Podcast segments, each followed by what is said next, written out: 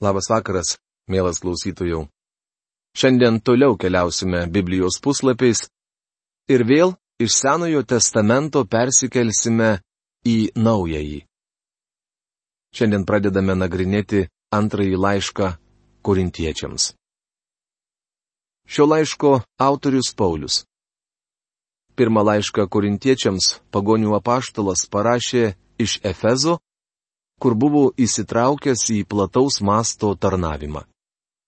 Jis tvirtino, mat man atsivėrusios plačios durys našiam darbui, bet ir priešininkų daug. Rašoma pirmame laiške korintiečiams 16 skyriuje 9 eilutėje. Mano įsitikinimu, sėkmingiausiai Pauliui sekėsi tarnauti Mažojoje Azijoje, o Efezas savo ruoštų buvo tarsi Evangelijos rezonatorius. Manau, kad toje srityje Evangelija buvo paskleista efektyviau nei bet kur kitur per visą krikščionybės istoriją. Štai, ką turėjo omenyje Paulius, sakydamas, man atsivėrusios plačios durys našiam darbui. Dėl šio tarnavimo Paulius paprasčiausiai negalėjo palikti Efezo ir vykti į Korintą. Korinte jo įkurtoje žinduklių bažnyčioje buvo gausu kūniškų krikščionių. Šie žmonės elgėsi kaip kūdikiai. Korintiečiams stigo dėmesio, tad jie prašė, kad Paulius pas juos atvyktų. Reikėjo, kad juos kas nors pamaitintų ir pakeistų jiems sauskelnes. Šie žmonės raudojo kaip kūdikiai, tačiau Paulius nevaliojo atvykti ir tai truputį žaidė korintiečius.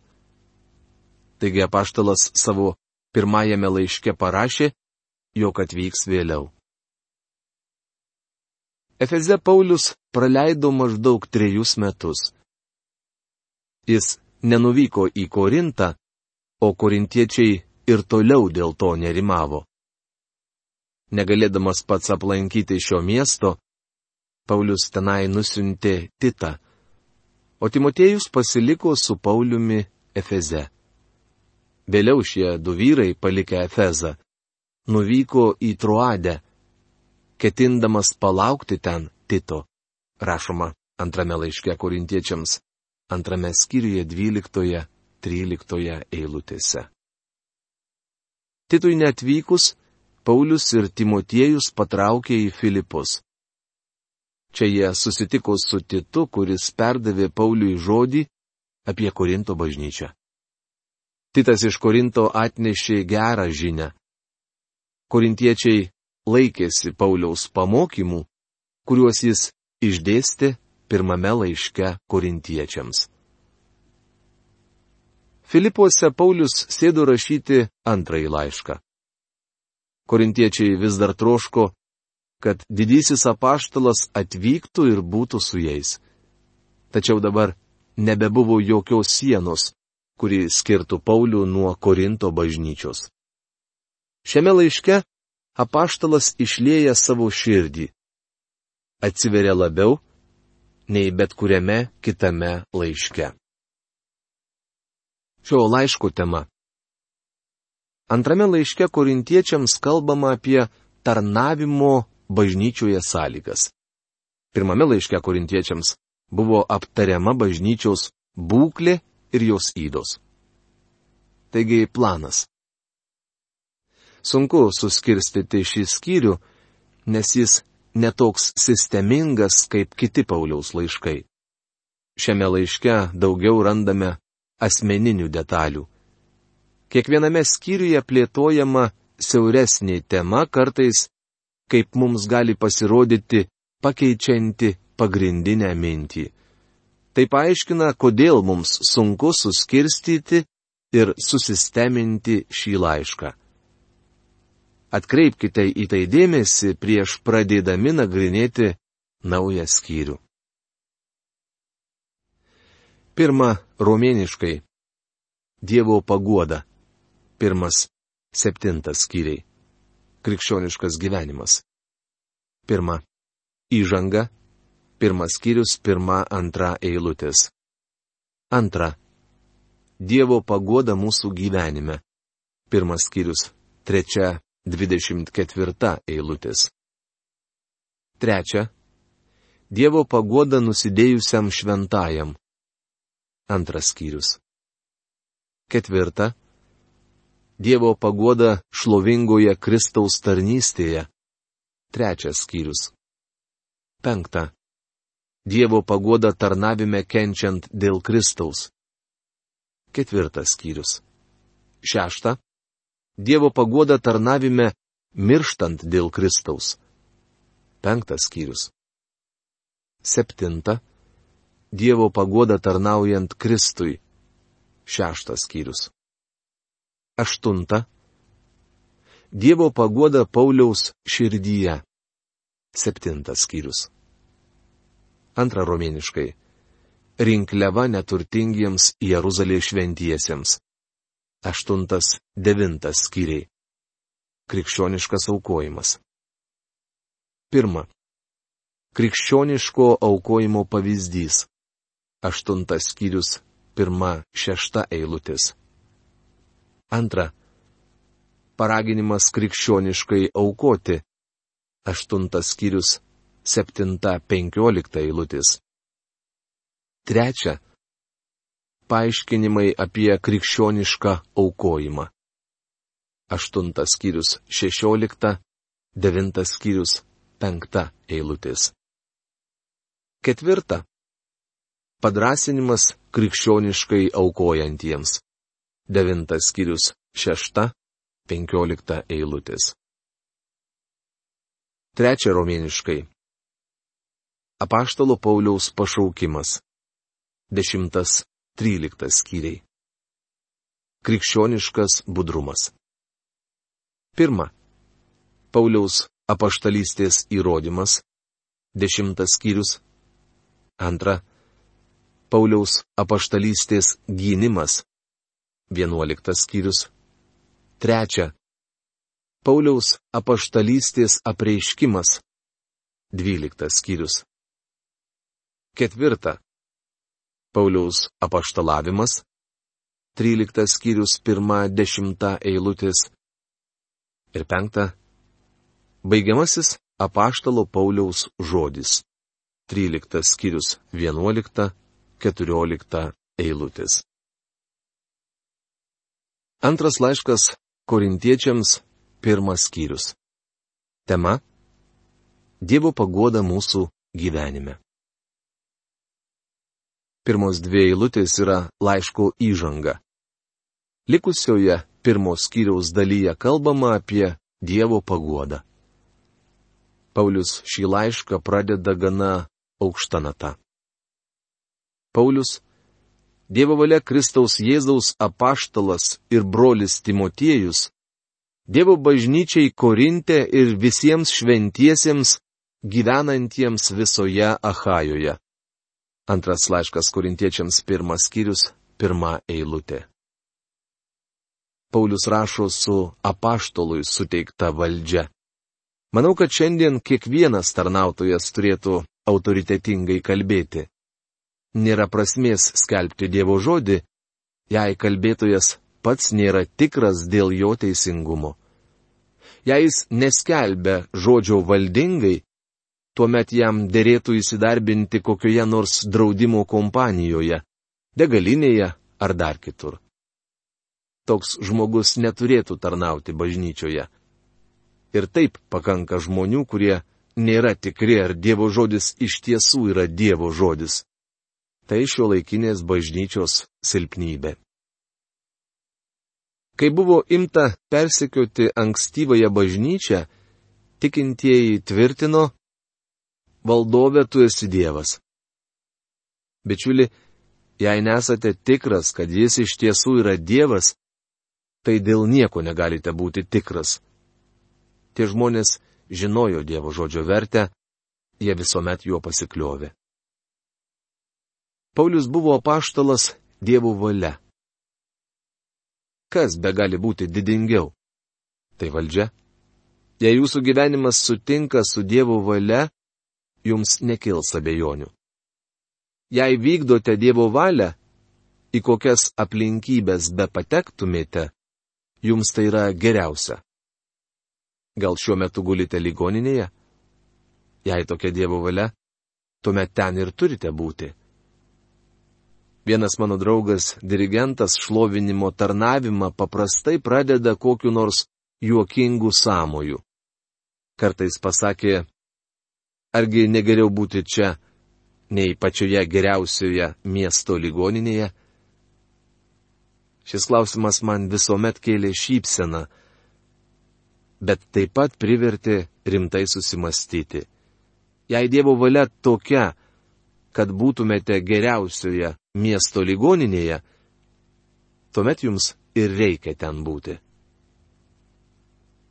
Ir brolis Timotiejus. Man tai patinka. Timotiejus buvo Pauliaus tikėjimo brolis.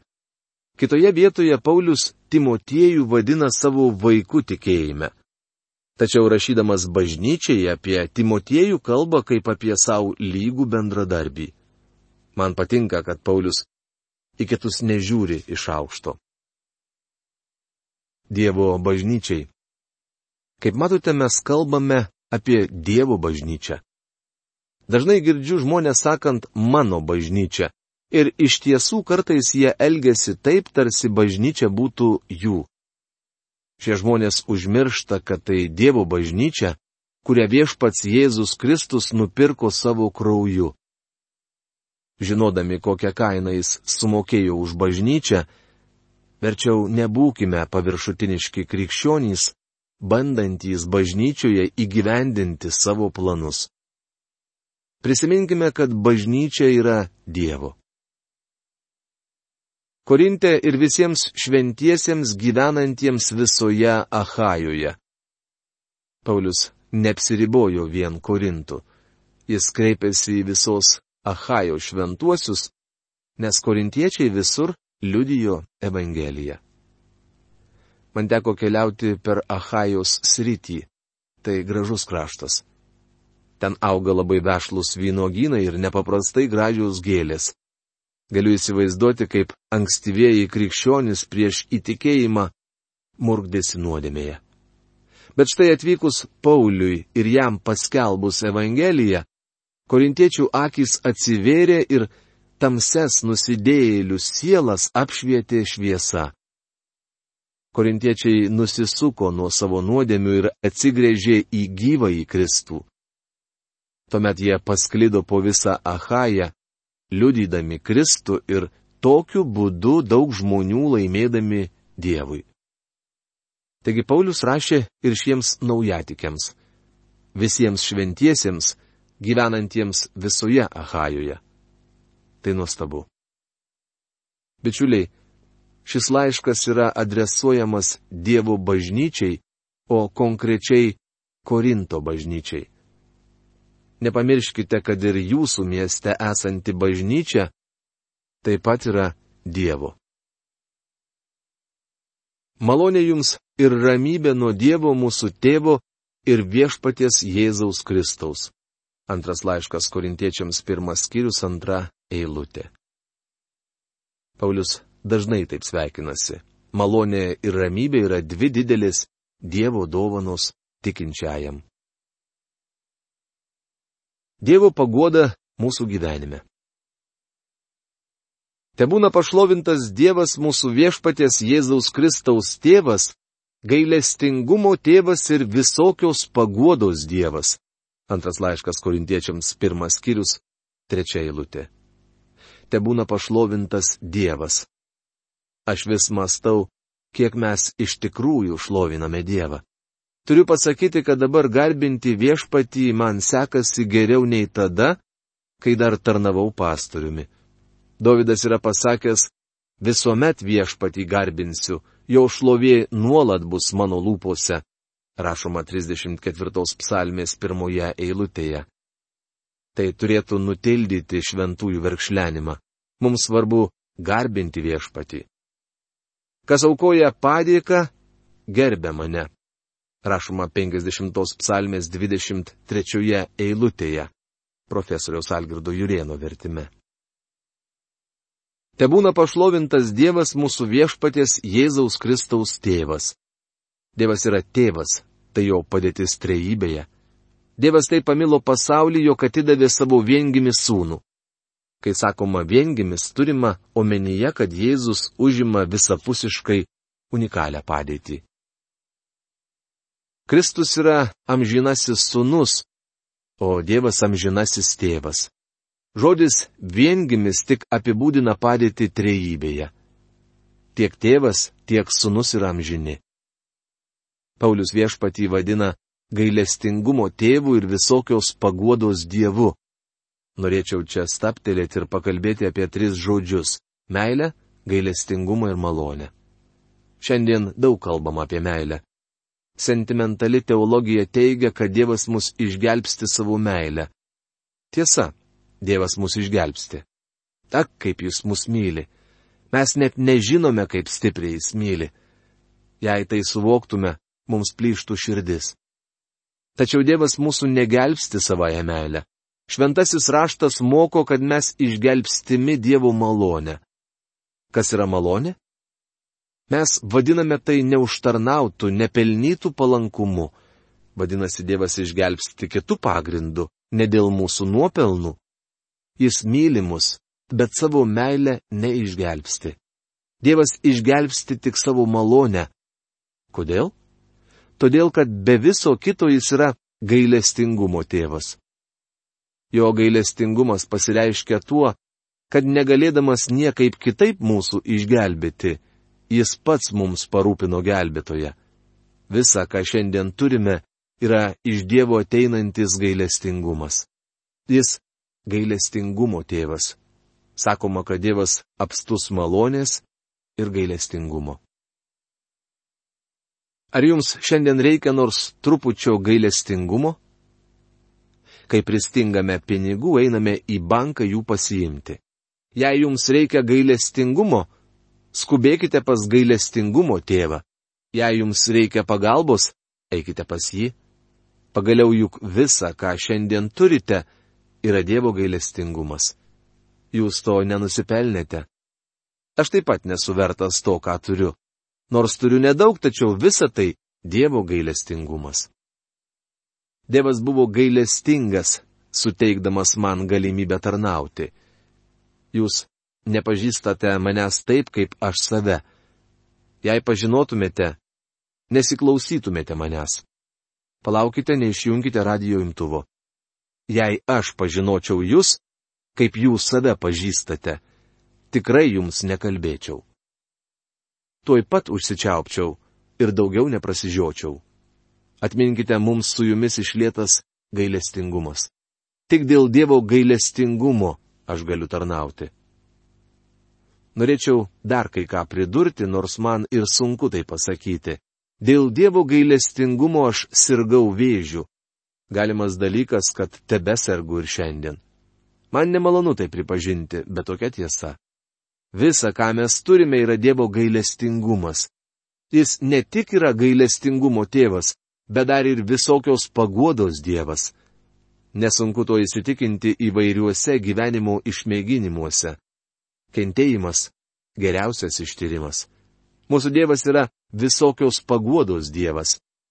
Jis paguos jūs ligoninėje ar laidotuvių namuose, kur pašarvotas jums artimas žmogus. Dievas jūs gali bet kur ir bet kada paguosti. Jis visokios paguodos Dievas. Egzistuoja tikra paguoda ir suklastota. Man nepatinka, kai žmogus dūsauja ir skundžiasi. Dievas leido, kad man taip atsitiktų, tai mano likimas o iš tikrųjų nesusitaiko su Dievo valia ir maištauja. Būkite sažiningas su Dievu. Pasakykite jam, kaip jaučiatės. Pasakykite, kad jums nepatinka, kas vyksta jūsų gyvenime, juk jis ir taip viską žino. Dievas nori, kad su juo atvirai kalbėtumėte. Paguoda gali būti tikra arba netikra. Šiandien paplitusi nuomonė, kad pagoda yra kažkoks Sacharino saldumo sentimentalumas su silpnumo prieskoniu. Pamenu, kai buvau mažas, dažnai pargriūdavau ir nusibrosdindavau kelius. Nekartą svarščiau, kodėl mama man neužmaudavo ilgų kelnių. Kai susimuždavau kelį, jį pabučiuodavo į skaudamą vietą ir sakydavo, dabar viskas gerai. Jį apdumdavo man akis, kad manyčiau, jog viskas gerai ir nustočiau verkti. Kągi, tai sentimentalumas, saldus ir mielas. Tačiau atėjo diena, kai pradėjau vaikščioti į mokyklą ir ėmiau labai sielvartauti dėl to, kad neturiu pinigų. Tuomet mama prisėdo prie manęs pasikalbėti. Tai buvo gana veiksmingas vaistas. Ji pasakė, tu privalai būti vyru, sunau. Tai taipogi buvo pagoda. Pagodo žmonės ieško visur. Net viena viskio rūšis vadinasi pietiečių pagoda. Kągi aš pietietis, bet man, bičiuli, tai jokia pagoda. Alkoholis greuna šeimas. Kitai ieško pagodos narkotikuose, tačiau ten jos taip pat nėra. Graikiškai pagoda yra parakaleo, išvertus tai reiškia pakviesti šalia.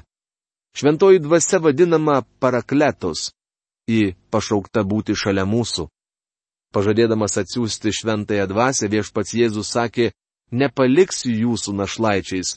Jono Evangelijos 14 skyriaus 18 eilutė - atsiųsiu jums guodėją parakletos. Saviesiems Jėzus kalbėjo, jums geriau, kad aš iškeliauju, nes jei neiškeliausiu, pas jūs neteis globėjas. O nukeliavęs aš jį jums atsiųsiu, rašoma Jono Evangelijos 16 skyriaus 7 eilutėje. Kas yra guodėjas? Ne tas, kuris viso labo pabučiuoja sumuštą vietą. Tai padėjėjas, pastiprintojas, užtarėjas. Jis pašauktas padėti man, sustiprinti mane, išsklaidyti vienatvę, numalšinti širdgėlą ir baimę. Jis yra pagalba siaubo ir negandos akimirka. Išgirsk mane viešpatie ir būk man maloningas. Viešpatie padėk man, rašoma 30 psalmės 11 eilutėje šis šauksmas sielos, kuriai reikalingas godėjas. Dievas yra visokios paguodos Dievas. Kuris godžia mus kiekviename sielvarte, kad ir mes galėtume paguosti bet kokio sielvarto ištiktuosius tą paguodą, kurią gauname iš Dievo. Antras laiškas korintiečiams, pirmas skyrius ketvirta eilutė. Nuostabu, kad mes turime Dievą, galintį mus paguosti bet kokioje bėdoje. Viena yra būti paguostam, kai šviečia saulė ir aplinkiniai draugiškai tapšnoja per petį, bet pagoda mums labiausiai reikalinga sielvarto valanda. Paulius sunkia akimirka patyrė tokią pagodą. Mes galime nebejoti, kad Dievas visuomet yra šalia. Didžiausio nepritekliaus metu, vienatvėje ir nevilties valanda. Daugeliu žmonių krikščionybė yra teorija, tarsi drabužis, apsivelkamas ypatingomis progomis ir visiškai nerūpestingai dėvimas. Dažnam tai sustabarėjęs ritualas ir tušti žodžiai. Bičiuli, leiskite jums pasakyti, jog krikščionybė įrodo jos taikymas praktikoje. Apaštului Pauliui tai nebuvo vien teorija. Kaip mums gausiai tenka Kristaus kentėjimu, tai per Kristų mes kupini ir paguodos. Jei kenčiame priespaudą, tai jūsų paguodai ir išganimui. Jei esame godžiami, tai jūsų paguodai, kuri įdėgia jums ištverime pakelti tokius pat kentėjimus, kokius mes kenčiame.